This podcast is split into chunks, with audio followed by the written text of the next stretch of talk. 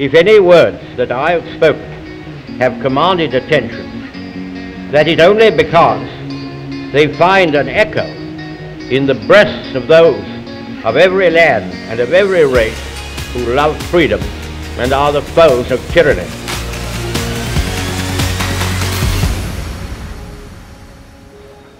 Welkom bij deze nieuwe aflevering van Vrij Vuur.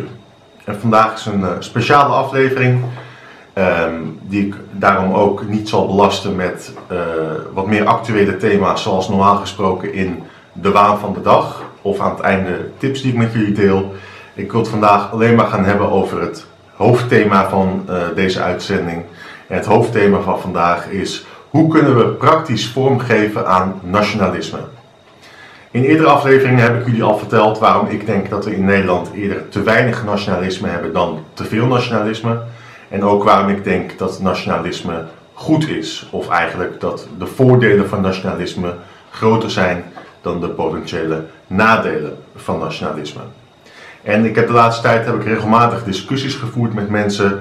En zij gaven me vaak aan van ja maar Sander, hoe kunnen we nou in de praktijk vormgeven aan ons Nederlanderschap? of eigenlijk alle andere waarden waar we voor staan. Zoals jullie weten, ik uh, heb op dit moment ook een, een club, uh, vrijheid.nl. de club heet Vrij. En die club is er voor het behoud van Nederlandse cultuur, om uiteindelijk daarmee vrijheid te kunnen waarborgen. En wat ik al zei, vaak kwam de vraag bij mij van, ja maar hoe, hoe kunnen we nou in het dagelijks leven eigenlijk meer vorm geven hieraan? Hè? Hoe kunnen we misschien een soort van bezieling terugvinden in ons leven in Nederland. Iets wat heel veel mensen lijken te missen op dit moment. En wat ook verklaart waarom we bijvoorbeeld zien dat sommige Nederlanders zich tot de islam bekeren. Of dat sommige Nederlanders zich tot bijvoorbeeld het katholicisme bekeren. Blijkbaar is er iets wat Nederlanders zoeken, het gevoel ergens onderdeel van uit te maken. En uh, dat kan dus op heel veel verschillende manieren. Maar de manier die ik het meest fijne vind daarvoor is het gevoel van nationalisme. Het gevoel van we zijn onderdeel van een land, Nederland, een land waar we trots op kunnen zijn, een land waar we ons onderdeel van mogen voelen. En hoe kunnen we er nou voor zorgen dat we dat nationalisme eigenlijk versterken, dat we dat nationalisme uitdragen en dat we daarmee dus ook voorkomen uh, dat uh, bijvoorbeeld uh, soevereiniteit van Nederland wordt afgedragen aan grotere instituten, zoals bijvoorbeeld de Europese Unie. Maar ook uh, dat we het nationalisme zodanig kunnen versterken dat we ook weer wat steviger in onze schoenen staan. Om bijvoorbeeld strengere eisen te kunnen stellen aan migranten en daarmee bijvoorbeeld ook de integratie te kunnen bevorderen. Ik denk dat een groot, groot probleem van de huidige integratie is dat Nederlanders te weinig te bieden hebben aan nieuwkomers, wat ze tegenover hun eigen of hun oude cultuur kunnen zetten als wij als Nederlanders al niet eens trots zijn op ons eigen land, hoe kunnen we dan verwachten van nieuwkomers dat zij het ook zullen zijn? Nou, dat is dus de focus van de aflevering van vandaag. Hoe kunnen we nou in het dagelijks leven, in de praktijk, vormgeven, praktisch vormgeven aan Nederlands nationalisme? Ter voorbereiding op deze aflevering heb ik onder andere gekeken naar hoe in Amerika, de Verenigde Staten van Amerika, vorm wordt gegeven aan nationalisme. Want zoals velen van jullie weten is uh, de Verenigde Staten een erg nationalistisch land. Maar het mooie aan het nationalisme van Amerika vind ik dat het daar gaat om civic nationalism. Dus het gaat erom dat het niet uitmaakt wat je afkomst is, waar je vandaan komt, etc. Het gaat erom dat er een nationalisme is wat gekoppeld is aan het gebied van Amerika.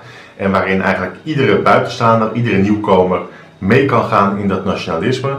En wat dus ook heel snel voor integratie zorgt. En um, ik denk dat we daar een aantal goede uh, lessen van kunnen leren. Natuurlijk ook met mits en maren soms. Maar laten we gewoon eens even gaan beginnen met punt nummer 1. Gebruik vaker de vlag van je land. Hoe vaak zie je nou in Nederland dat er vol trots een Nederlandse vlag wappert op een huis, bij bedrijven, uh, bij overheidsinstellingen wappert die vaak ook, maar helaas wappert daar ook de, de vlag van de Europese Unie naast, wat ik dan weer erg jammer vind. Maar gebruik eens wat vaker vol trots de Nederlandse vlag. De Nederlandse vlag is een symbool van Nederland en is ook een symbool van het Nederlandse volk. En ik denk dat hoe vaker we die vlag gebruiken, hoe normaler we het ook gaan vinden. En ehm, dat we elke keer als we die vlag zien of als we die vlag zelf uithangen, dat we weer even met onze neus op de feiten worden gedrukt van hé, hey, we wonen in Nederland. Nederland is een mooi land, is een goed land. Daar mogen we trots op zijn. En uh, het is ook een, een, een, symbool wat, wat mensen van, van verschillende bevolkingsgroepen, verschillende religies, etc. met elkaar kan verbinden. En ja, hoe kun je dat dan doen? Nou ja, uh, ten eerste hangen ze wat vaker de vlag op op de officiële vlagdagen van Nederland. Dat zijn uh, vaak de feestdagen zoals Koningsdag, um, uiteraard uh, Bevrijdingsdag 5 mei, uh, vlaghalfstok op 4 mei. Ehm, maar los van die dagen kun je natuurlijk ook er zelf voor kiezen om misschien gewoon elke dag wel een vlag op te hangen op je huis, achter je raam, bij het bedrijf waar je werkt, etc. Als je naar Amerika kijkt, dan zie je dat bijna elk gebouw uh, gewoon vol trots de Amerikaanse vlag heeft wapperen. En ik denk dat dat bewust, maar ook heel vaak onbewust van het gevoel geeft van hé, hey, we zijn allemaal onderdeel van een land um, met bepaalde basiswaarden waar we gewoon 100% achter staan.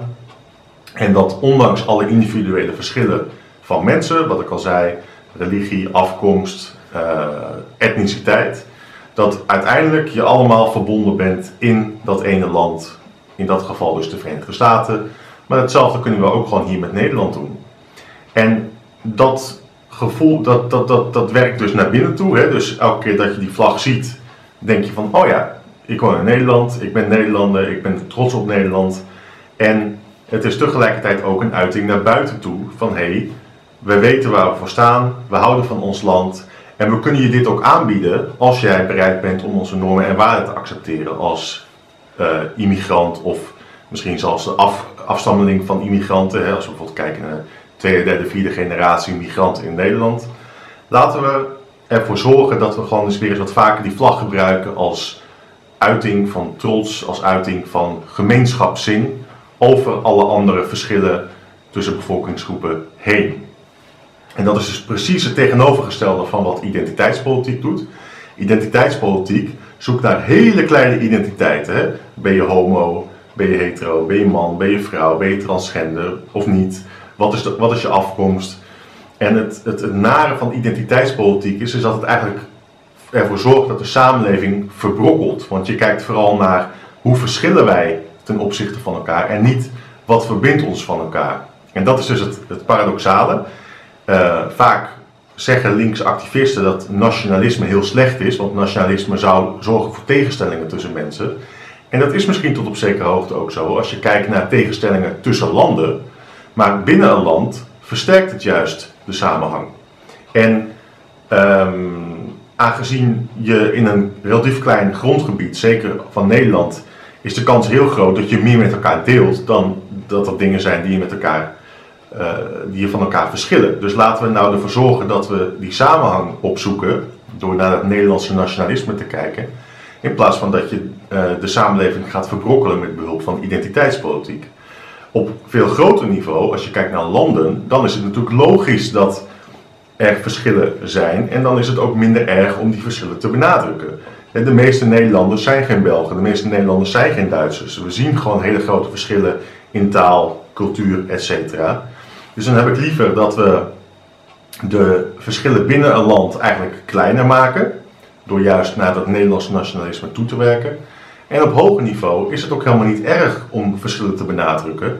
Sterker nog, soms is dat juist heel goed, omdat door te weten waar je voor staat, door te weten dat je soms anders bent dan een ander volk, dan een ander land, dan een ander gebied, kun je ook veel beter opkomen voor je eigen belangen en je eigen rechten. En dat is dus precies het hele probleem op dit moment binnen bijvoorbeeld een Europese Unie. We doen net alsof alle landen, alle culturen, alle volken hetzelfde zijn, maar daardoor ten eerste misken je de waarheid en ten tweede uh, wordt er juist over je cultuur en je belangen wordt er heen gelopen. En dat is natuurlijk waarom de Europese Unie op de lange termijn gedoemd is te mislukken in zijn huidige vorm. Want mensen, culturen zijn gewoon verschillend. Het grootste verschil is alleen op de taal. Maar ook culturen zijn verschillend. We weten allemaal dat België toch best wel een heel andere cultuur heeft dan Nederland. Ook al spreken we de taal zelfs. Voor een groot deel eh, als je naar Vlaanderen kijkt. Je hebt zelfs binnen Nederland heb je natuurlijk cultuurverschillen. Dus laten we nou niet doen alsof tussen landen er geen cultuurverschillen zijn. Die zijn er wel. daar hoef je ook niet voor te schamen, daar hoef je ook niet bezorgd over te zijn. Je kunt nog steeds als goede buren, als goede vrienden met elkaar ehm, overleggen, samenwerken.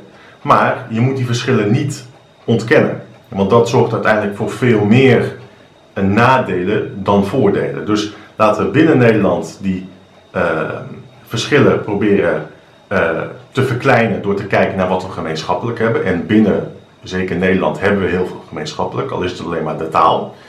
En laten we uh, niet proberen om al die verschillende nationaliteiten uit te wissen in Europa of eigenlijk wereldwijd.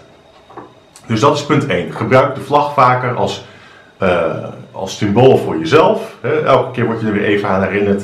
We zijn onderdeel van Nederland, we zijn onderdeel van het Nederlandse volk, daar mogen we trots op zijn. Maar ook naar buiten toe laten we zien van hé, hey, we weten waar we voor staan, we laten niet over ons heen lopen, we komen op voor onze cultuur, onze belangen, etc. Punt nummer 2. Een pledge of allegiance, of eigenlijk een, een, een belofte van trouw. Uh, ik weet niet of dat helemaal de correcte vertaling is, maar dat is wel ongeveer waar het op neerkomt. En dit is iets wat heel gebruikelijk is in bijvoorbeeld de Verenigde Staten, waar op elke schooldag wordt er het volkslied gezongen en er wordt een Pledge of Allegiance aan de vlag van de Verenigde Staten geuit. En die Pledge of Allegiance is als volgt. I pledge allegiance to the flag of the United States of America and to the republic for which it stands, one nation under God, indivisible, with liberty and justice for all. Dus ik zal nog even letterlijk vertalen. Ik beloof trouw aan de vlag van de Verenigde Staten van Amerika en aan de republiek waar deze voor staat. Eén natie, onder God, ondeelbaar, met vrijheid en, uh, en gerechtigheid voor allen. dus het is, een, het is een zin die heel kort en krachtig aangeeft, ten eerste dat je, je, dat je trouw belooft aan je land, of aan de vlag, maar de vlag is een symbool voor dat land. En wat ook de kernwaarden zijn van dat land, in dit geval uh, één natie onder God. Dus we, we kijken niet naar verschillen, maar we voelen ons één natie. Nou, dat onder God, daar heb ik dan ook nog een mening over, want ik ben atheïst. Maar vooruit, je kan ook zeggen, um, het is één natie onder God, oftewel we, hebben, we zijn eigenlijk alleen verantwoording verschuldigd aan God. Hè? Dus eh, de natie is soeverein, het land is soeverein. Dat is ook een heel belangrijk begrip als we het hebben over natiestaten. Soevereiniteit betekent dat je aan niemand anders verantwoording verschuldigd bent. Jij bent het hoogste orgaan in een bepaald gebied. Indivisible, dus ondeelbaar. Dus hier komt weer de nadruk terecht op het feit dat je weliswaar verschillend bent, maar je toch één geheel voelt. With liberty and justice for all. Met vrijheid en gerechtigheid voor allen. En die twee termen, vrijheid en gerechtigheid, zijn natuurlijk ook heel belangrijk als het gaat over democratische rechtsstaten. Dat zijn staten waarin we vrijheden garanderen aan mensen en dat die vrijheden ook op een rechtvaardige manier worden beschermd en dat ook alle andere belangen op een rechtvaardige manier worden behartigd. Dus dat betekent bijvoorbeeld een onafhankelijke en objectieve rechtspraak. En het woord indivisible, nogmaals, is heel belangrijk in Amerika. Dus ondanks al die gigantische verschillen in bevolkingsgroepen in Amerika, want Amerika is natuurlijk een melting pot van etniciteiten, religies, etc. Toch wordt er benadrukt dat het één geheel vormt, indivisible. En dat is ook waar ehm, het motto van de Verenigde Staten vandaan komt. Dat is in het Latijn e pluribus unum. En dat betekent uit velen één. Dus velen vele verschillende mensen vormen toch één groot geheel. Dat is een heel belangrijk kenmerk van de Pledge of Allegiance. En eigenlijk de hele Amerikaanse ja, uh, volksgeest zou je kunnen zeggen. Een andere mooie uh, variant hiervan, dat, dat is de American Creed. Dat is geen officiële Pledge of Allegiance. De Pledge of Allegiance die ik net noemde, wordt heel vaak verplicht gesteld. Tenzij je echt hele grote morele bezwaren hebt. Maar die wordt vaak verplicht gesteld. Dus bijvoorbeeld op school, uh, dat je het begin van de dag altijd begint met het volkslied en de Pledge of Allegiance aan de vlag. De American Creed gaat als volgt.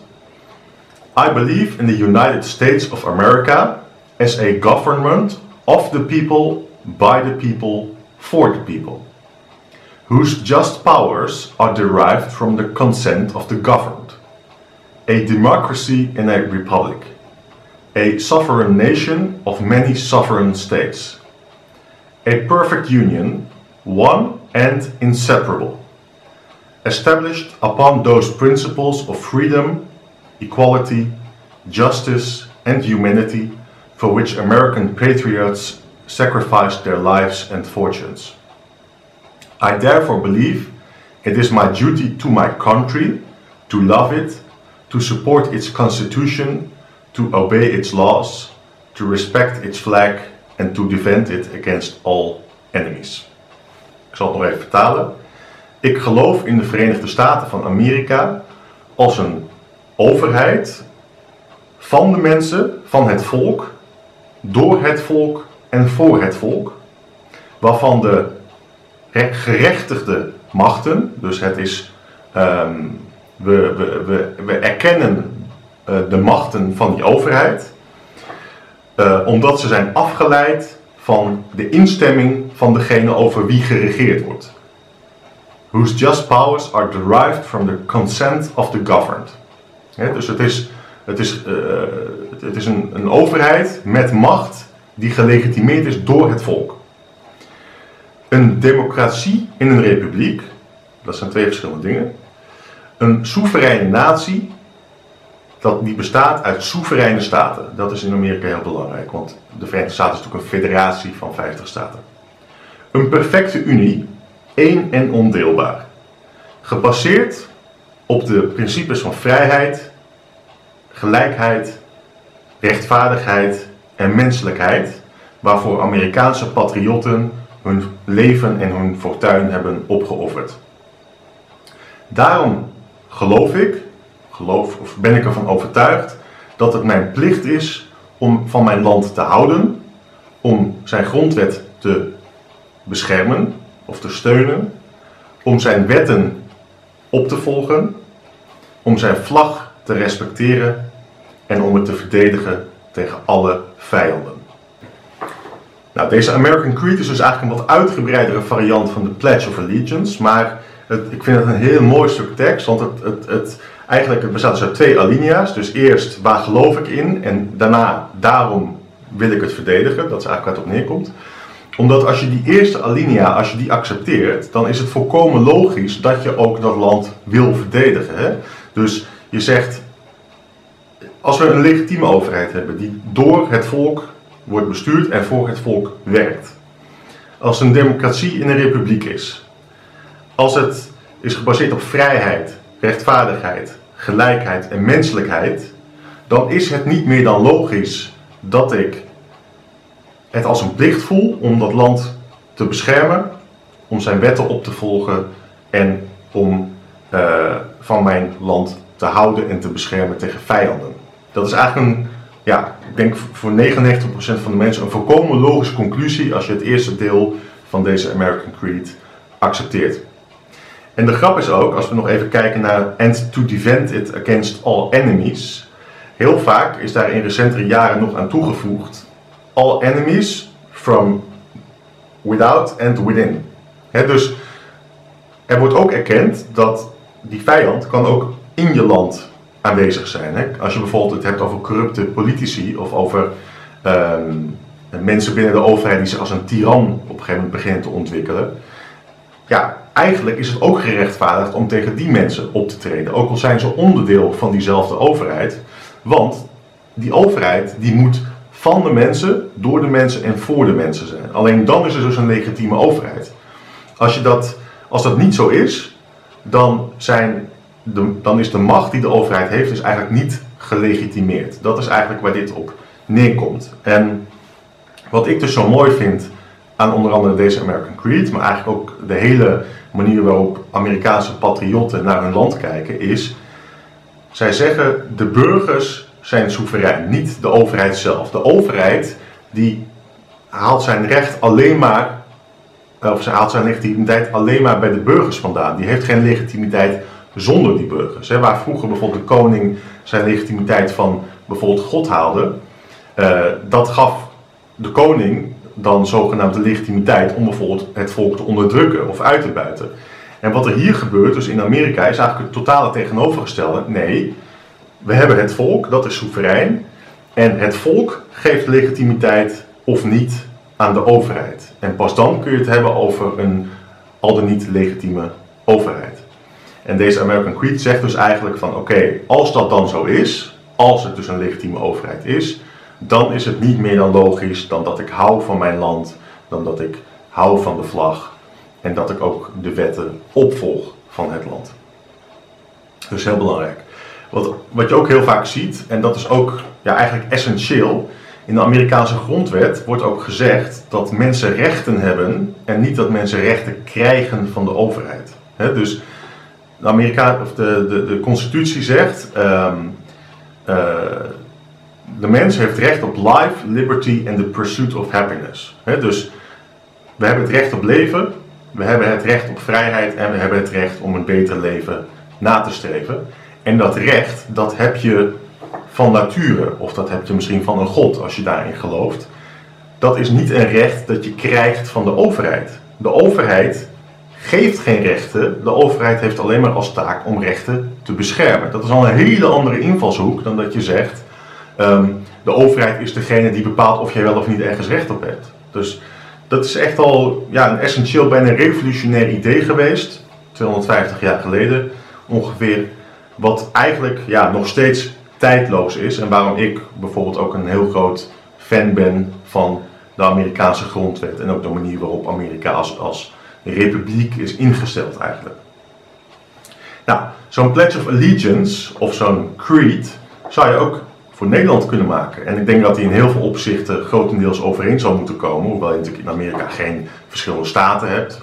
En ehm, eh, op dit moment, of, of, of, in Nederland heb je niet veel verschillende staten en op dit moment ehm, is Nederland geen republiek. Helaas, daar wil ik ook wel iets, wel iets aan doen, maar dat is weer een ander verhaal. Maar je zal al heel goed kunnen beginnen met laten we eens een Pledge of Allegiance to the Dutch flag maken. Hè? Een belofte van trouw aan Nederland als land, aan het Nederlandse volk en aan de Nederlandse vlag. En dat klinkt misschien heel eng voor mensen die heel kritisch zijn op de Haagse politiek. Maar je moet je ook voor ogen houden dat er een verschil is tussen een land en zijn volk en de bestuurders. En dat is een inzicht wat ik ook heb gekregen de laatste jaren. Ik was altijd ja, niet trots op Nederland, ik was niet trots op het Nederlandse volk vanwege de manier waarop Nederland bestuurd wordt. Maar ehm, je moet je beseffen dat de bestuurders van een land niet per se uh, gelijk zijn aan het volk of aan het land zelf. Hè. Een, een, een, land kan overgenomen worden door de verkeerde bestuurders, kan geleid worden door de verkeerde bestuurders. Dat betekent niet meteen dat je daarmee je hele land of je hele volk moet afschrijven. Dat is denk ik een heel groot verschil.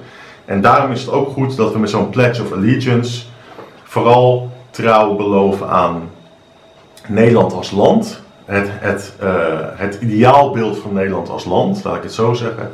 En aan het Nederlandse volk. En niet zozeer als een blinde belofte van trouw aan een bepaald persoon of aan een bepaald leider want dat is natuurlijk ook het gevaar van beloftes van trouw. Als je bijvoorbeeld kijkt naar de Tweede Wereldoorlog. Hitler die heeft uh, op een gegeven moment toen hij aan de macht kwam, heeft hij uh, iedereen in het leger heeft hij een eed van persoonlijke trouw laten zweren. Hè? Dus een, een eed van trouw aan Hitler als persoon.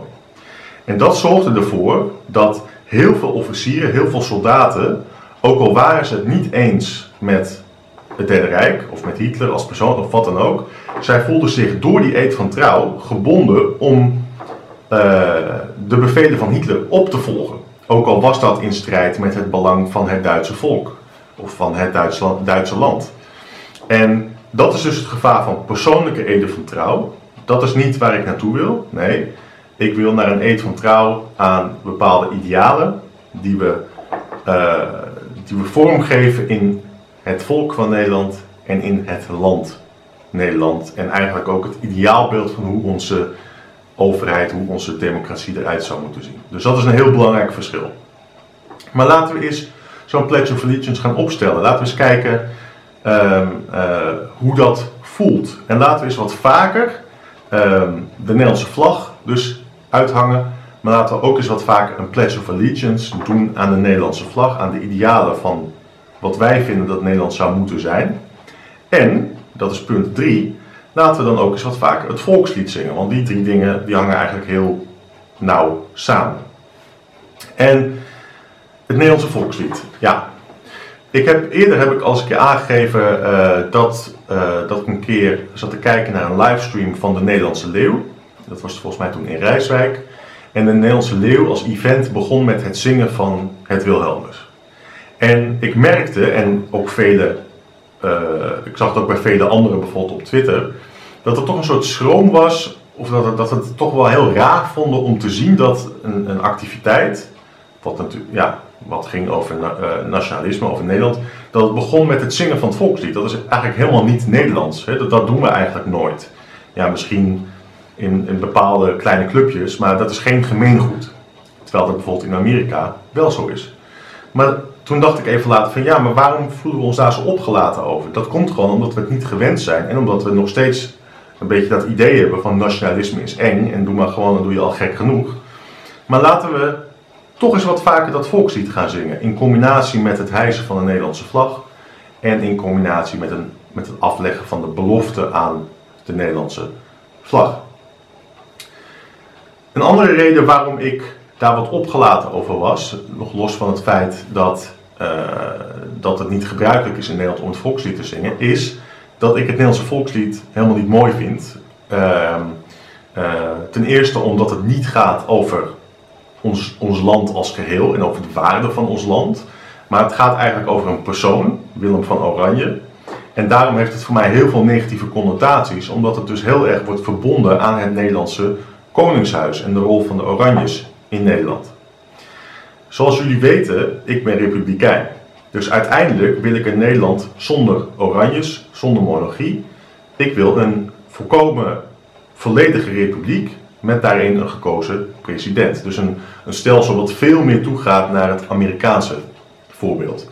En dat is voor mij al een reden waarom ik eigenlijk helemaal niet hou van het Wilhelmus. Het is op zichzelf heel goed dat we een volkslied hebben. En ja, wanneer we nog geen ander volkslied hebben, zou ik zeggen, zing dan maar het Wilhelmus. Maar het is nog steeds een lied waar ik me niet heel erg goed bij voel. Het, het geeft niet de trots weer voor je land. Het geeft niet de, de geschiedenis weer van je land. Als je bijvoorbeeld kijkt naar de Marseillaise, het volkslied van Frankrijk. Ja, dat is een heel krachtig lied. Dat gaat over opstaan tegen de tirannen en strijd. En ook als je kijkt naar het Amerikaanse volkslied, dat gaat ook heel erg over strijd en de overwinning na afloop. En ja, de Amerikaanse vlag die dan trots wappert, ondanks de strijd die je hebt gevoerd. Hè. Dus dat, voor mij zijn die, die liederen hebben veel meer emotie, hebben veel meer betekenis voor mij dan bijvoorbeeld het Wilhelmus, hoewel, terwijl ik van Nederlander ben. Um, wat ook zo is, en dat weten heel, misschien heel veel mensen niet, het Wilhelmus is pas sinds 1932 het officiële volkslied van Nederland. Daarvoor was dat het, het volkslied helemaal niet.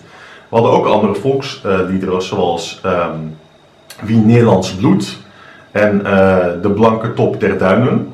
Uh, dat waren liederen die ook heel vaak werden gezongen. En dat was dan misschien wel in een bepaald soort bevolkingsgroepen.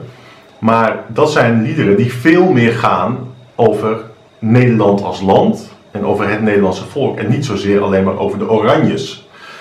Dus wat ik eigenlijk graag zou willen zien, is ten eerste laten we sowieso het volkslied zingen. Uh, het Nederlandse volkslied, het Wilhelmus. Maar laten we tegelijkertijd kijken van hé, hey, kunnen we misschien een nieuw volkslied uh, bedenken. En ik ben daar persoonlijk ook al mee bezig om daar gewoon eens wat, wat gedachten op papier te zetten van hé, hey, wat zou nou een mooie tekst zijn die van toepassing is op Nederland als land, die bijvoorbeeld het Nederlandse landschap zou beschrijven, die, of die de Nederlandse volksaard zou beschrijven, um, die niet gebonden is aan uh, een bepaalde uh, bestuurstijl en al helemaal niet is gebonden aan de Oranjes. Of je nou wel of niet van Oranjes houdt, maar uh, het kan natuurlijk een keer voorkomen dat we misschien het Koningshuis afschaffen. Ja, wat, wat voor betekenis heeft het Wilhelmus dan nog, zou je kunnen afvragen. Maar tegelijkertijd ook een lied wat de tand des tijd zou kunnen doorstaan. Dus wat bij wijze van spreken ook over 100 of 500 jaar nog steeds gezongen zou kunnen worden en nog steeds van toepassing zou zijn op Nederland en het Nederlandse volk. Dus daar ben ik mee bezig. Maar er zijn natuurlijk ook eh, en dat zie je ook vaak in andere landen, zijn ook officieuze volksliederen. Of, of, of liederen die op een informele wijze bijna een soort tweede volkslied zijn geworden. Hè. Ehm, denk bijvoorbeeld aan 15 miljoen mensen. Uit de jaren 90 was dat geloof ik. Nou, we zitten inmiddels op 17 miljoen mensen. Maar dat is wel een lied wat voor heel veel mensen wel het gevoel geeft van... hé, hey, dit is, dit is waar wij Nederlanders voor staan. De grap was toen ik ehm, die video maakte van oké, wie zijn de Nederlanders? Hè? Wat zijn nou de kenmerken van onze volksaard? Het was heel lang geleden, voor die opname, dat ik uh, het lied 15 miljoen mensen had geluisterd. Maar na die opname dacht ik van hé, hey, laat, ik, laat ik het lied weer eens een keer opzetten. En wat ik grappig vond, was dat heel veel van die kenmerken van, van ons volk, hè, de karakterkenmerken van ons volk, of, of die voor de meeste Nederlanders gelden, dat die ook heel erg goed terug te horen zijn in dat lied. Hè? Dus doe maar gewoon, doe je al gek genoeg. We zijn, helemaal, we zijn tegen autoriteit. Dat soort zaken, uh, die kwamen allemaal terug in dat lied. Dus ik snap heel goed dat heel veel Nederlanders ja, zich heel erg verbonden voelen daarmee. Ook al hou je niet van het Wilhelmus, laten we eens wat vaker 15 miljoen mensen gaan afspelen. Onlangs hadden we ook bij het uh, congres van Forum voor Democratie hadden we uh, Lange Frans, die samen met uh, Thierry Baudet een optreden gaf.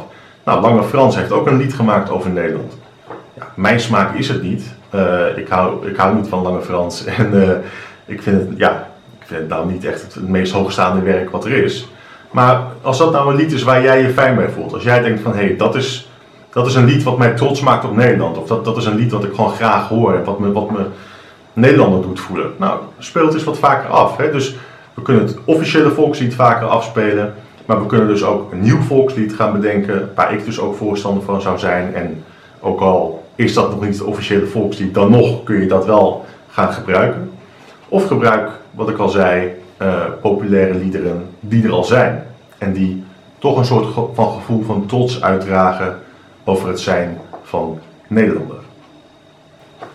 In aanvulling op liederen over Nederland, of officiële of officieuze volksliederen, zou je ook gewoon misschien eens wat vaker uh, bijvoorbeeld een gedicht kunnen maken over Nederland, of gedichten kunnen delen over Nederland. Hè? Of laten we misschien wat vaker schilderijen maken over Nederland, of tekeningen over Nederland. Hè? Dus we kunnen ehm, ook wat dat betreft wat vaker gewoon in ons land op die manier praktisch vormgeven aan ons nationalisme.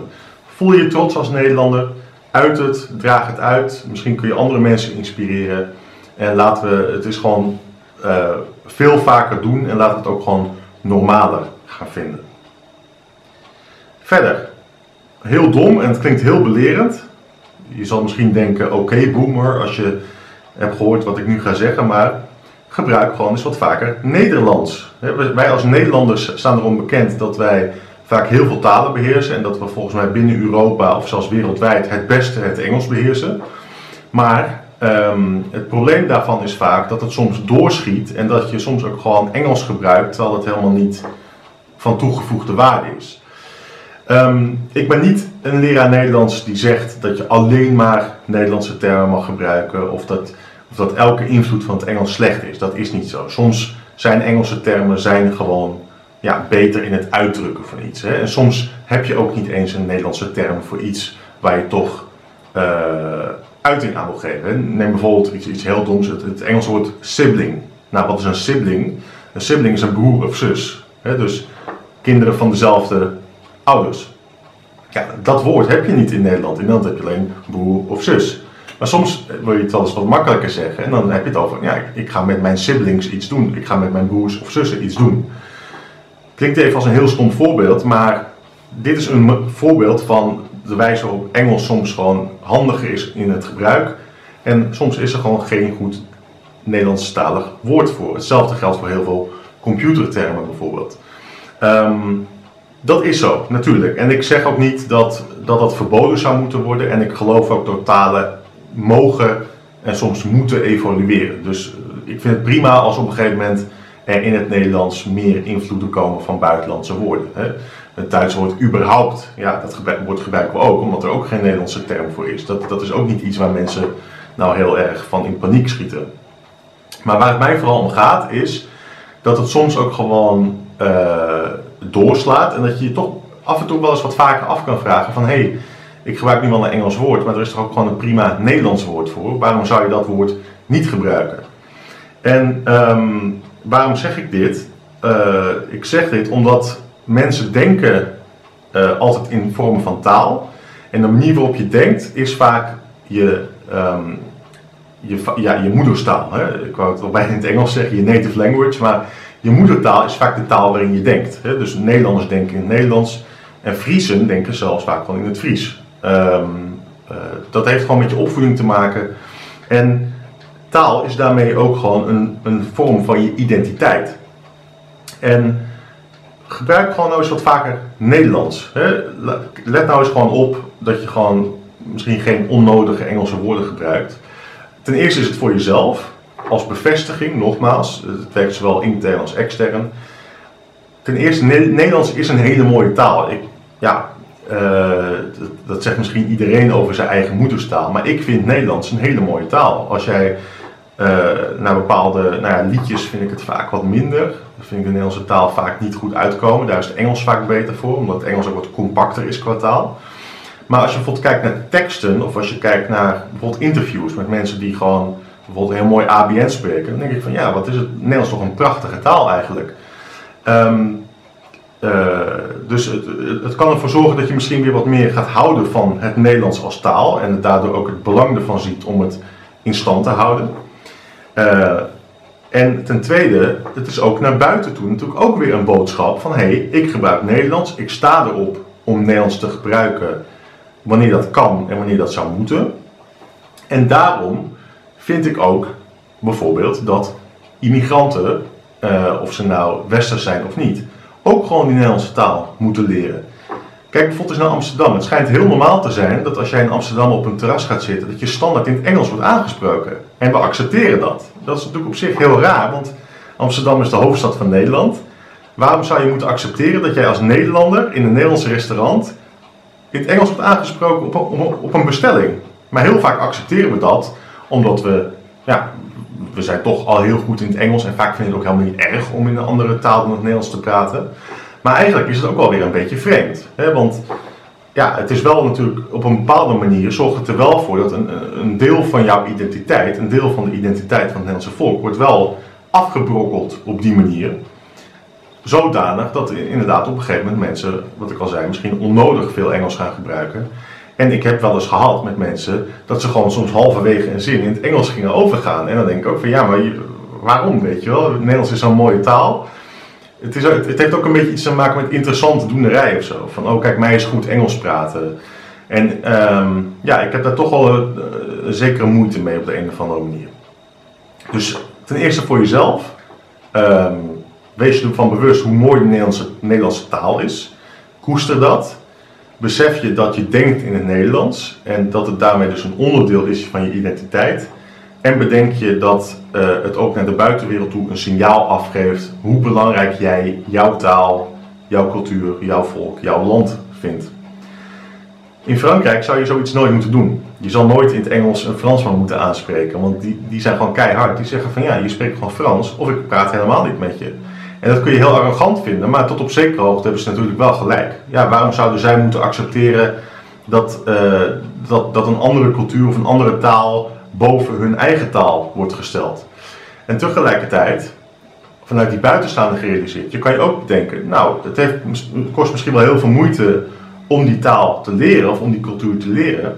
Maar als je eenmaal je best hebt gedaan, dan kun je er misschien ook wel van uitgaan dat je er dan ook wel echt bij hoort. Hè? Dus heel vaak is het zo dat juist als je moeite moet doen om bij een groep te horen, uh, maar, je, maar je neemt die moeite, dan laat je zien dat je er graag bij wil horen. En dan kun je tegelijkertijd ook weer veel meer verwachten van de groep zelf, dat ze je ook accepteren als een van hun. En dat is dus ook waar ik naartoe wil, dus met Nederland. Laten we nou gewoon onze cultuur wat hoger inschatten. Laten we de toelatingseisen voor buitenstaanders nou gewoon eens even een keer goed oprekken. Maar als mensen daar dan aan voldoen, laten we ze dan ook gewoon voor 100% welkom heten in ons land en in onze cultuur. Daarmee heb je een veel hechtere maatschappij dan dat iedereen maar een beetje zijn eigen ding doet qua taal, qua cultuur, etc. Nog een ander belangrijk punt, en dat is iets waar ik me ook heel vaak op betrap de laatste tijd, hoewel ik daar normaal altijd heel goed in ben. Ik merk ook dat bijvoorbeeld mijn spelling steeds slechter wordt in de loop van de jaren.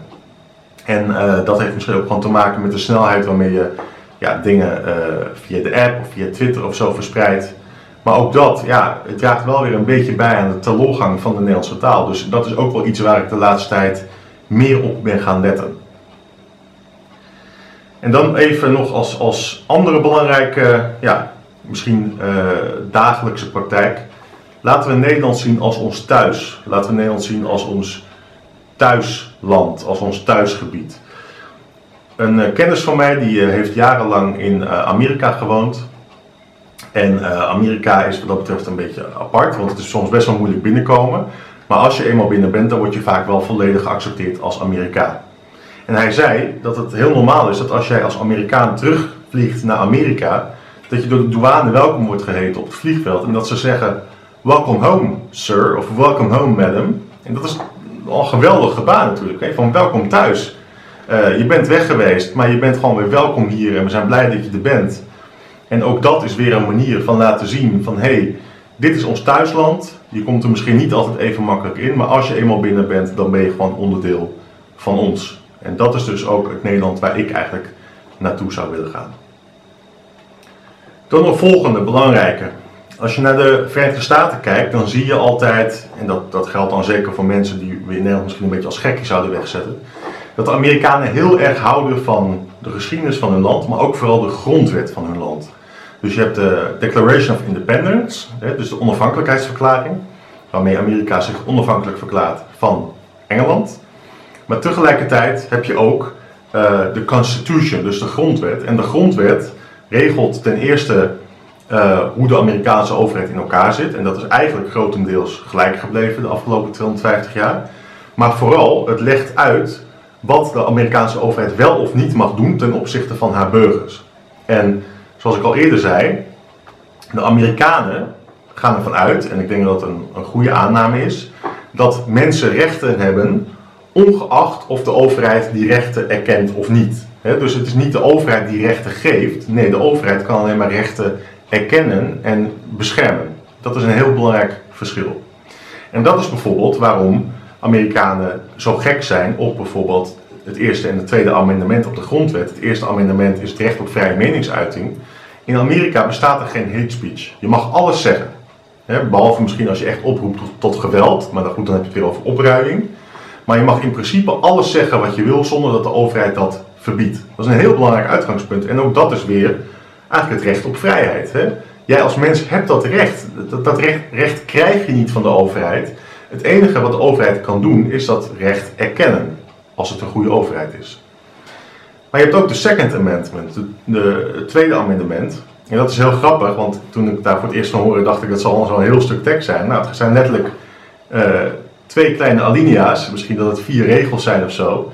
Maar dat is een heel belangrijk amendement wat zegt dat burgers het recht hebben op het bezit van wapens. Omdat opnieuw, uh, bij het opstellen van het amendement, zijn burgers ervan uitgegaan dat het ook een recht is van burgers om jezelf te kunnen verdedigen. Ook tegen bijvoorbeeld de overheid, als de overheid, zoals ik net al zei, corrupt zou worden of zich als een tiran zou gedragen dus de Amerikaanse grondwet en de Declaration of Independence worden bijna als een soort heilige teksten gezien in de Verenigde Staten. Het jammer van Nederland vind ik dat de grondwet weliswaar een aantal goede punten bezit, maar de grondwet heeft niet de status van een soort heilige tekst zoals ze dat in Amerika hebben. En waarom is dat? Uh, nou, ten eerste omdat binnen Nederland kunnen normale wetten hoeven zich eigenlijk niet aan de grondwet te houden. Dus eigenlijk normale wetten die gaan eigenlijk boven de grondwet. Of eigenlijk er wordt ook niet getoetst op de vraag of die twee met elkaar uh, tegenstrijdig zijn. En uh, in, dat, in dat geval zal dan ook niet de grondwet boven de normale wet gelden. Dus de grondwet is, wordt een beetje als relatief gezien. En ten tweede, internationale verdragen gaan boven de Nederlandse grondwet. En dat geldt bijvoorbeeld voor verdragen in het algemeen, maar dat geldt bijvoorbeeld vooral voor de Europese Unie als de Europese Commissie iets besluit, dat noemen ze een Europese verordening, dan moet dat worden uitgevoerd door de lidstaten van de Europese Unie. Los van of het in de grondwet staat of niet. dus wij missen heel erg het zelfvertrouwen in de grondwet En die grondwet is in heel veel opzichten ook niet ideaal, vind ik. Ehm, maar goed, dat zijn meer detaildingen.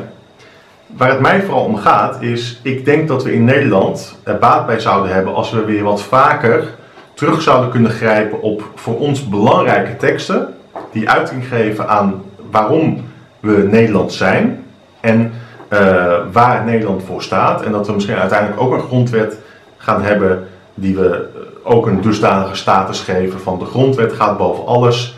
We zijn een soeverein land, dus verdragen of de Europese Unie gaan niet boven onze grondwet. En onze eigen wetten moeten ook zich aan onze grondwet houden. Twee belangrijke teksten die heel erg uh, belangrijk zijn geweest in de vorming van Nederland als land zijn het plakkaat van verlatingen en later uh, het pamflet aan het volk van Nederland.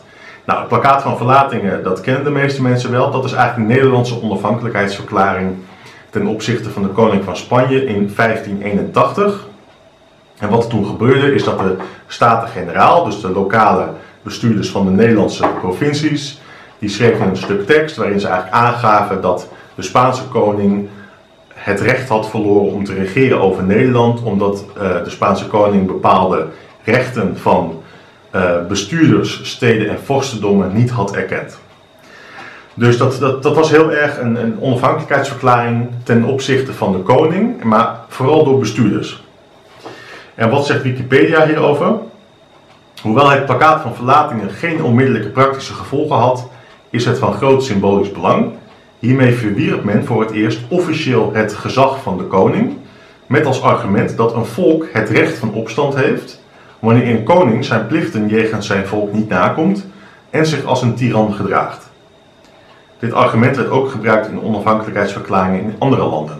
Nou, het plakkaat van verlatingen was dus onder andere ook juist weer een inspiratiebron voor de Amerikaanse onafhankelijkheidsverklaring. dus niet alleen neem ik nu Amerika als, voorbeeld, nee, maar vroeger nam Amerika Nederland als voorbeeld. Dus dat is heel interessant, dat, dat eigenlijk, dat zit nog steeds in ons land, dat, die onafhankelijkheidsdrang. De Amerikaanse onafhankelijkheidsverklaring uit 1776, dus dat was bijna twee eeuwen later, heeft tekstdelen overgenomen, zoals met name het principe dat de burgers het recht hebben om hun vorst te verlaten als die de wetten en traditionele vrijheden van de burgers niet respecteert. Dus de rechten, de vrijheden van de burgers staan, zijn er en die zijn onafhankelijk van de vraag of de overheid ze wel of niet respecteert. Heel belangrijk uitgangspunt. In dit licht is het belangrijk te beseffen dat New York gesticht is als Nieuw Amsterdam. En dat vele van die immigranten afkomstig waren uit de Nederlandse Republiek. Dus in eerste instantie waren wij de inspiratiebron van Amerika. Dat is belangrijk om te weten. Nou, plakkaat van verlatingen is vaak het begin, wordt gezien als het begin van Nederland als aparte entiteit. Maar het is een beetje een moeilijke tekst, omdat ten eerste het gaat heel erg uit van de adel, van de bestaande bestuurders, de kerken, de vorstendommen uit die tijd, ten opzichte van de vorst. Dus het is niet zozeer een, een, een stuk tekst wat echt vanuit het volk komt, laat ik het zo zeggen. En ten tweede, het is geschreven in heel oud Nederlands. Dus we kunnen wel de, de essentie of het idee van het plakkaat van verlating als voorbeeld gebruiken of als iets waar we vaker bij stil kunnen staan. Maar het is wel een moeilijke tekst om ja, echt iets bij te voelen of om goed te begrijpen. Een betere tekst daarvoor is uh, de tekst van Johan Derk van der Kapellen. En dat is aan het volk van Nederland. En uh, om even de situatie te schetsen. Dit is een tekst van eind 18e eeuw, dus zo rond 1780 was dit. En toen uh, hadden we stadhouders aan de macht. De stadhouders, uh, dat waren eigenlijk ja, een soort, het was een soort erfelijke titel geworden in, in een gebied wat officieel nog steeds republiek was, Nederland. Maar de stadhouders, dat waren allemaal oranjes. Dus dat zijn inderdaad de voorouders van de huidige koninklijke familie.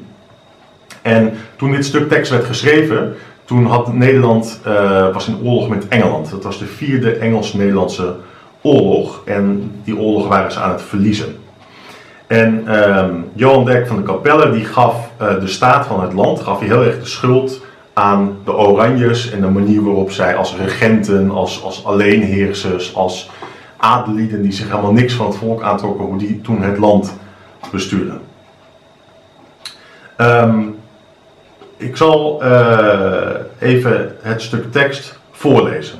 Het was dus een klacht tegen de macht van de Oranjes en de gevolgen van de Vierde Engels-Nederlandse Oorlog. En het eerste stuk tekst is een beetje, ja, dat, dat, dat, dat, is, dat heeft heel te maken met de situatie van toen, maar vooral het laatste deel van de tekst is heel erg belangrijk en nog steeds relevant. Hij schrijft: Verzamelt u, dus het is aan het volk van Nederland, hè, verzamelt u elk in uw steden en ten plattelande in uw dorpen. Komt vreedzaam bijeen en kiest uit uw midden een matig aantal goede, deugdzame, vrome mannen. Toen hadden natuurlijk alleen mannen invloed in het bestuur. Kiest goede patriotten, mensen die houden van hun vaderland, waarop gij vertrouwen kunt. Zend deze als uw gecommitteerden naar die plaatsen waar de staten van uw verschillende provincies vergaderen en beveelt hun dat zij zodra mogelijk bij elkander komen om uit naam en op traagheid, eh, om uit naam en op het gezag deze natie met en naast de staten van elke provincie een nauwkeurig onderzoek te doen naar de redenen van de verregaande traagheid en slapheid waarmee de bescherming van het land tegen een geduchte en vooral actieve vijand wordt behandeld. Dus dit gaat heel erg over de manier waarop Nederland volgens hem ja, te slecht omging of te slecht oorlog voerde tegen Engeland. Dus hij riep het volk op om eigenlijk de bestuurders te controleren.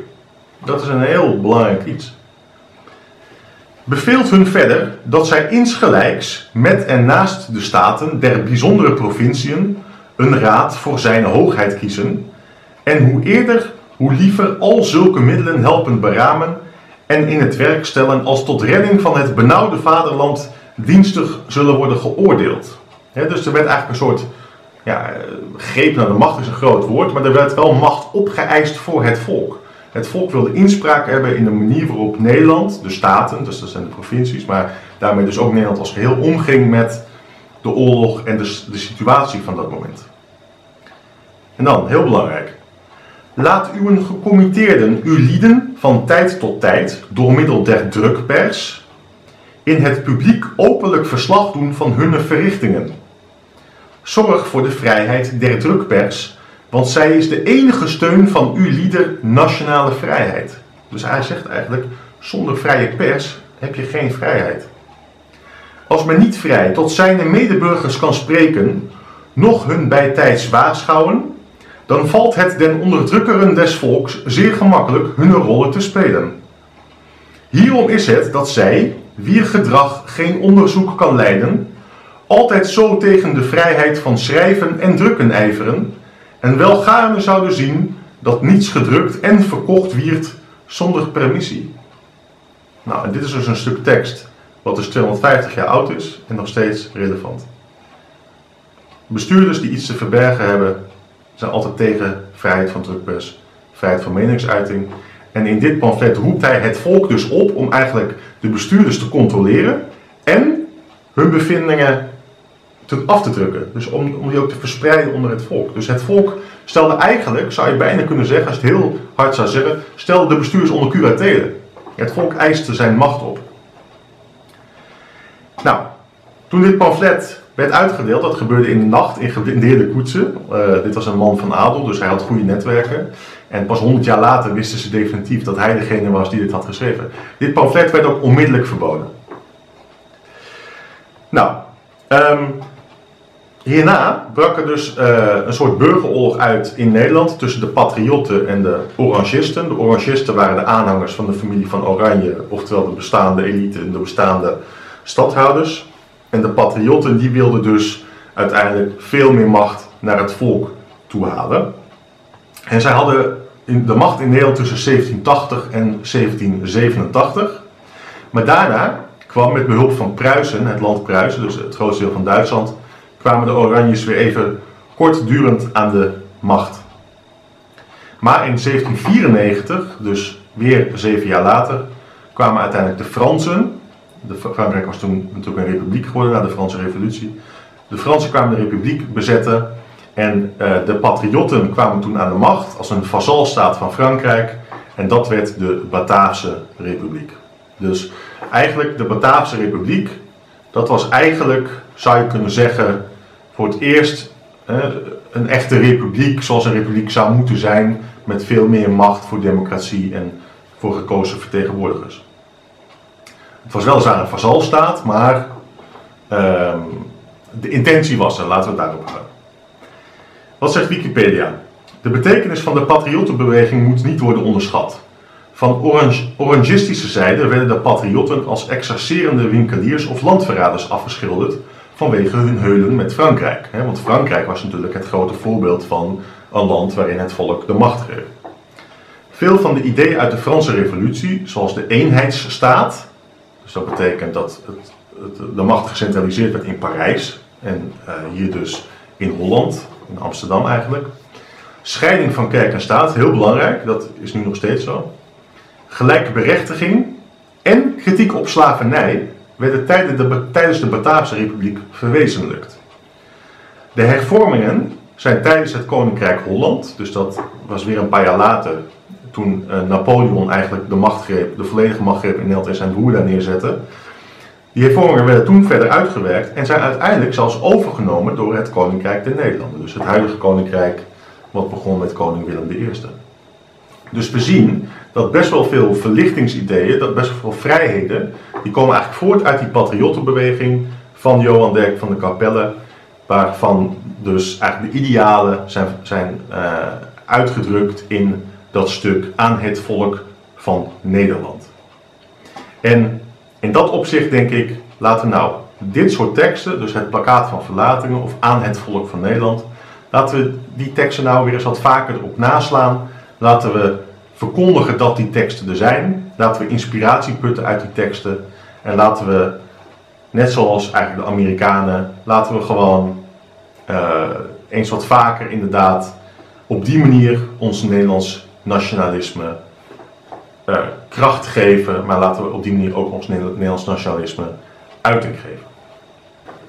Dan als laatste, als je opnieuw naar de Verenigde Staten van Amerika kijkt, dan zie je dat heel veel facetten van Amerika, uh, of de federale overheid, dat die bijna als een soort religieuze dingen worden behandeld. Hè. Dus het gaat over de vlag van Amerika, het gaat over het volkslied van Amerika, de Pledge of Allegiance. Maar wat je ook heel erg ziet, is dat je, als je bijvoorbeeld naar Washington DC gaat, dan zie je dat daar bijna ook een soort heiligdommen zijn opgericht uh, van Amerika. Hè. Dus je hebt, je hebt uh, nou ja, sowieso natuurlijk het Witte Huis en het Capitool. Dat zijn natuurlijk de twee ja, gebouwen waarin democratisch afgevaardigde bestuurders feitelijk Amerika besturen. Maar je hebt bijvoorbeeld ook die hele grote obelisk in Washington DC. En je hebt allerlei herdenkingsmonumenten voor bijvoorbeeld George Washington en Abraham Lincoln en Jefferson als president. Hè. Dus um, verder heb je nog Arlington Cemetery, dus de begraafplaats in Arlington, Virginia, waar de helden van Amerika worden begraven, vaak ook presidenten. En je hebt daar ook het monument voor de, de onbekende soldaat. Een monument wat dag en nacht wordt bewaakt door een soldaat die daar keer op keer volgens een hele strakke richtlijn een bepaalde ceremonie uitvoert. Dit zijn allemaal hele mooie symbolen die ook weer bijdragen aan dat civic nationalism. Het gevoel van wij zijn een belangrijk land. Wij hebben respect voor ons land, we hebben respect voor ons volk, we hebben respect voor onze geschiedenis. En laten we dat nou ook eens wat vaker in Nederland gaan doen. En dat, dat is misschien op het eerste gezicht heel lastig, want ja, wat, wat voor dingen hebben we nu in Nederland eigenlijk die als heiligdommen zou kunnen beschouwen? Ja, dat is misschien een heel groot woord, daar zijn we ook heel misschien te nuchter voor als Nederland. Een Nederlands heiligdom. Nou ja, een paar van de dingen die ik in Nederland heel belangrijk vind, uh, ook als symbool voor uh, onze geschiedenis, is bijvoorbeeld het Binnenhof. Dat is natuurlijk de plaats waar in principe onze democratie plaatsvindt. Uh, de plaats waar de Eerste en de Tweede Kamer zitten. Dat is natuurlijk hè, het kenmerk van onze democratie, waarin het volk soeverein is. Maar wat ik bijvoorbeeld ook een heel belangrijk monument vind, en een monument wat heel erg is verwaarloosd vind ik, is het Paleis op de Dam in Amsterdam. Um, wat, vele, wat, wat sommigen van jullie misschien niet weten, is dat het Paleis op de Dam, dat was vroeger het stadhuis van Amsterdam. Dus dat hele grote paleis op de Dam, dat was vroeger het stadhuis. En dat was dus eigenlijk, en het was een heel open gebouw. Dus, dus, dus het, het, het stond ook gewoon dag en nacht open voor burgers om daar gewoon naar binnen te gaan, om rond te kijken. Ehm, misschien zelfs wel om aanwezig te zijn bij vergaderingen, dat weet ik niet. Maar het was eigenlijk dus een, een, een, een uiting van democratie, een uiting van rijkdom in Amsterdam. En uh, ja, ik vind het zelf heel jammer dat het nu dus eigenlijk een paleis is geworden van de monarchie. Ik vind eigenlijk dat, die, ja, dat, het, dat, dat het misschien altijd als stadhuis had moeten blijven van Amsterdam. Dus het Paleis Dam vind ik, vind ik zelf ook een heel mooi monument, wat, wat toch een zekere symbolische betekenis heeft voor Nederland. Maar denk ook bijvoorbeeld aan andere VOC-steden. Denk aan uh, Dordrecht, Vlissingen, Medemblik, Hoorn en Enkhuizen nog los van die hele discussie over de VOC, slavernij, etc. Dat zijn wel steden die eigenlijk nog steeds een beetje symbool staan voor de, de gouden eeuw van Nederland. En ehm, voor de, het ondernemerschap van Nederland. En uh, de wijze waarop we toch als klein land heel veel macht hebben weten te vergaren over de wereld en op de wereldzeeën. dus um, nogmaals, ik zou het geen heilige plekken noemen, maar het zijn misschien wel plekken waar je inspiratie uit zou kunnen opdoen. Waarvan je zou kunnen zeggen van hé, hey, laten we eens wat vaker zo'n zo, zo plek bezoeken. Misschien ben je er nog nooit geweest. Ga gewoon eens op bezoek in Horen. Ga eens bijvoorbeeld op bezoek, naar, uh, op bezoek bij het Westfries Museum. Hè. Dat gaat heel erg over die VOC-tijd. Geeft een heel mooi uh, overzicht van, van de Nederlandse geschiedenis. En ik vind ook dat, ja, dat we daar in principe ook gewoon trots op, op mogen zijn. Los van alle zwarte bladzijden, dat heeft elk land, dat heeft elke cultuur. Maar je kan wel trots zijn op de manier waarop er toch een zekere ambitie was en waarop de Nederlanders zich hebben doen laten gelden over de hele wereld. Nou, uh, misschien nog een paar andere voorbeelden. De Zaanse Schans, hè, daar lopen alleen maar Chinezen en Japanners rond. Maar de Zaanse Schans, uh, of eigenlijk de hele Zaanstreek, was bijvoorbeeld een hele grote inspiratiebron voor tsaar Peter de Grote van Rusland. En tsaar Peter de Grote kwam dus naar de Zaanstreek om uh, kennis en ervaring op te doen over het scheepsbouwvak. En dat heeft hij terug meegenomen naar Rusland. En wat het grappige is, in Rusland zijn er best wel veel Nederlandse woorden overgenomen in de woordenschat. Um, en uh, de Russische vlag is zelfs gebaseerd op de Nederlandse vlag. Er zitten dezelfde drie kleuren in, rood, wit en blauw. He, dus dat is ook ja, misschien niet een superbelangrijk aspect van de Nederlandse geschiedenis en cultuur, maar het laat opnieuw wel weer zien dat vroeger andere landen naar ons opkeken en niet andersom. Um, ja, verder in het algemeen, ja, waar kun je nog meer trots op zijn als Nederland? Nou ja, je kan trots zijn op Rotterdam of de Randstad. Hè. Het is een heel rijk gebied eigenlijk. Heel veel bedrijvigheid in een klein, uh, op een klein oppervlakte. En Rotterdam is uh, volgens mij nog steeds de grootste havenstad ter wereld. Of, of anders misschien de ene grootste havenstad ter wereld. En het laat zien hoe groot nog steeds het belang is voor Nederland van bijvoorbeeld de handel die wij met het buitenland hebben en de doorvoer van Rotterdam naar bijvoorbeeld het achterland van Duitsland en andere landen binnen Europa. Um, waar we ook trots op kunnen zijn is bijvoorbeeld de high-tech campus in Eindhoven. De Universiteit Eindhoven heeft een hele grote campus vol met allerlei technologiebedrijven. Een van de belangrijkste technologiebedrijven ter wereld komt uit Nederland. Dat is, um, uh, ik kan er even niet op de naam komen, chipmachinefabrikant ASML, dat is hem. Die heeft 80% van de markt van de hele wereld in handen. Dus grote bedrijven zoals AMD en Intel, die kopen dus bij een Nederlands bedrijf in de machines die zij weer gebruiken om computerprocessoren te maken. Ook iets waar je trots op mag zijn. Ook iets waar je misschien een keer van na kan denken van hé, hey, kunnen we misschien eens een keer op bezoek gaan uh, om te kijken hoe Nederland ervoor staat op dat gebied. Andere voorbeelden. Um, de Deltawerken, de afsluitdijk. Geweldig grote projecten die geweldig succesvol zijn geweest sowieso, de helft van Noord-Holland is al ingepolderd. Dat is een hele oude polder uit uh, de 17e eeuw meestal. Maar kijk eens bijvoorbeeld naar Flevoland. Hè? Dus uh, het hele gebied van uh, Almere, Lelystad, Dronten tot aan uh, Emmeloord, Noordoostpolder. Dat is gewoon, was vroeger gewoon zeebodem waar Nederlanders een dijk omheen hebben gelegd. Waardoor het water wegtrok, waardoor het land droog viel en waardoor we nu eigenlijk het grootste artificiële eiland ter wereld hebben dat is zuidelijk Flevoland. En we hebben uh, steden van 400.000, 500.000 inwoners, dat is Almere bijvoorbeeld op dit moment, die gewoon 4, 5 meter onder de waterspiegel liggen. Dat is natuurlijk een geweldige prestatie, waarvan, je af en toe af, uh, waarvan het ook wel belangrijk is dat je daar af en toe weer even misschien op gewezen wordt. Van hé, hey, dat is iets wat wij als Nederland toch maar even hebben gedaan. De hele afsluitdijk tussen Noord-Holland en Friesland. De deltawerken in uh, Zuid-Holland en Zeeland, waardoor we eigenlijk gewoon ja, immuun een groot woord, maar waardoor we grotendeels beschermd zijn tegen de invloed van de zee op ons achterland. En waardoor we gewoon Nederland veilig hebben weten te houden. Allemaal dingen waar we als Nederland super trots op mogen zijn en die we als Nederland nog steeds als exportproduct gebruiken naar de rest van de wereld. En nogmaals, misschien is het begrip heilige plekken een heel groot woord hiervoor, maar besef je eens wat vaker wat Nederland eigenlijk bereikt heeft, uh, heel vroeger, maar ook van hele recente aard, en waar je gewoon als Nederlander trots op mag zijn dat we in ieder geval die cultuur hebben, dat je ook mag mee profiteren van die cultuur, dat je mee mag profiteren van die geschiedenis. En wat ik al zei, bezoek eens wat vaker zo'n plek. Uh, draag ook uit dat je op die plek bent geweest. Laat ook aan je vrienden en familie zien van hé, ik was vandaag hier en hier. En ja, het is toch wel geweldig wat wij als Nederlanders hier maar even voor elkaar hebben gekregen. Met, uh, met zo'n kleine bevolking eigenlijk. Uh. Nou, dit zijn eigenlijk uh, dus op dit moment alle dingen waarvan ik denk van hé, hey, dit is eigenlijk een manier waarop je wat meer een praktische invulling kan geven aan Nederlands nationalisme.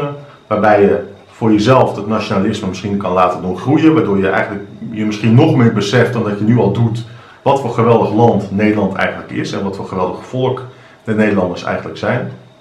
Maar waarbij je dus ook nog meer kan uitdragen naar anderen toe van hey, er is iets waar we trots op mogen zijn. Doe dat dan ook. Um, uit het en uh, op die manier kunnen we het Nederlandse nationalisme verder versterken. Dus nog even heel kort de belangrijkste punten. Gebruik de vlag vaker. Denk eraan om misschien af en toe een Pledge of Allegiance te houden. Schrijf een Pledge of Allegiance, want die is er volgens mij nog niet in Nederland. Zing wat vaker het volkslied, officieel of officieus. Maak misschien wat vaker gedichten, tekeningen over Nederland als je het idee hebt van hé, hey, ik, heb, ik voel iets in me opkomen, ik, ik wil uiting geven aan wat ik mooi vind aan Nederland. Gebruik vaker Nederlands en let wat meer op je spelling. Zie Nederland als ons thuis. Lees eens wat vaker belangrijke teksten uit onze geschiedenis door. Draag ze uit. Doe er inspiratie uit op. En bezoek eens wat vaker belangrijke plekken die in Nederland uh, van belang zijn geweest in onze geschiedenis, maar die ook symbool staan voor de kracht van ons land en van ons volk. Heb je zelf vragen? Heb je zelf andere suggesties? Of dat je zegt van hé, hey, hier zit ik ook aan te denken, dat zou je ook kunnen doen. Ik hoor ze heel graag in de comments onder de video. Als je dat nog niet hebt gedaan, abonneer je op mijn kanaal Liberty Central. Klik ook even de notification button aan de meldingknop, als we het toch over in het Nederlands hebben. Zodat je ook op de hoogte wordt, geho uh, uh, wordt gehouden als er weer een nieuwe video uitkomt. En ja, wat ik al zei, schrijf in de commentaar op als je zelf input hebt. Je kan me ook altijd mailen of op Facebook of op Twitter aanspreken, et cetera. En ik ben heel erg benieuwd naar wat jullie reacties zijn. En tot de volgende keer.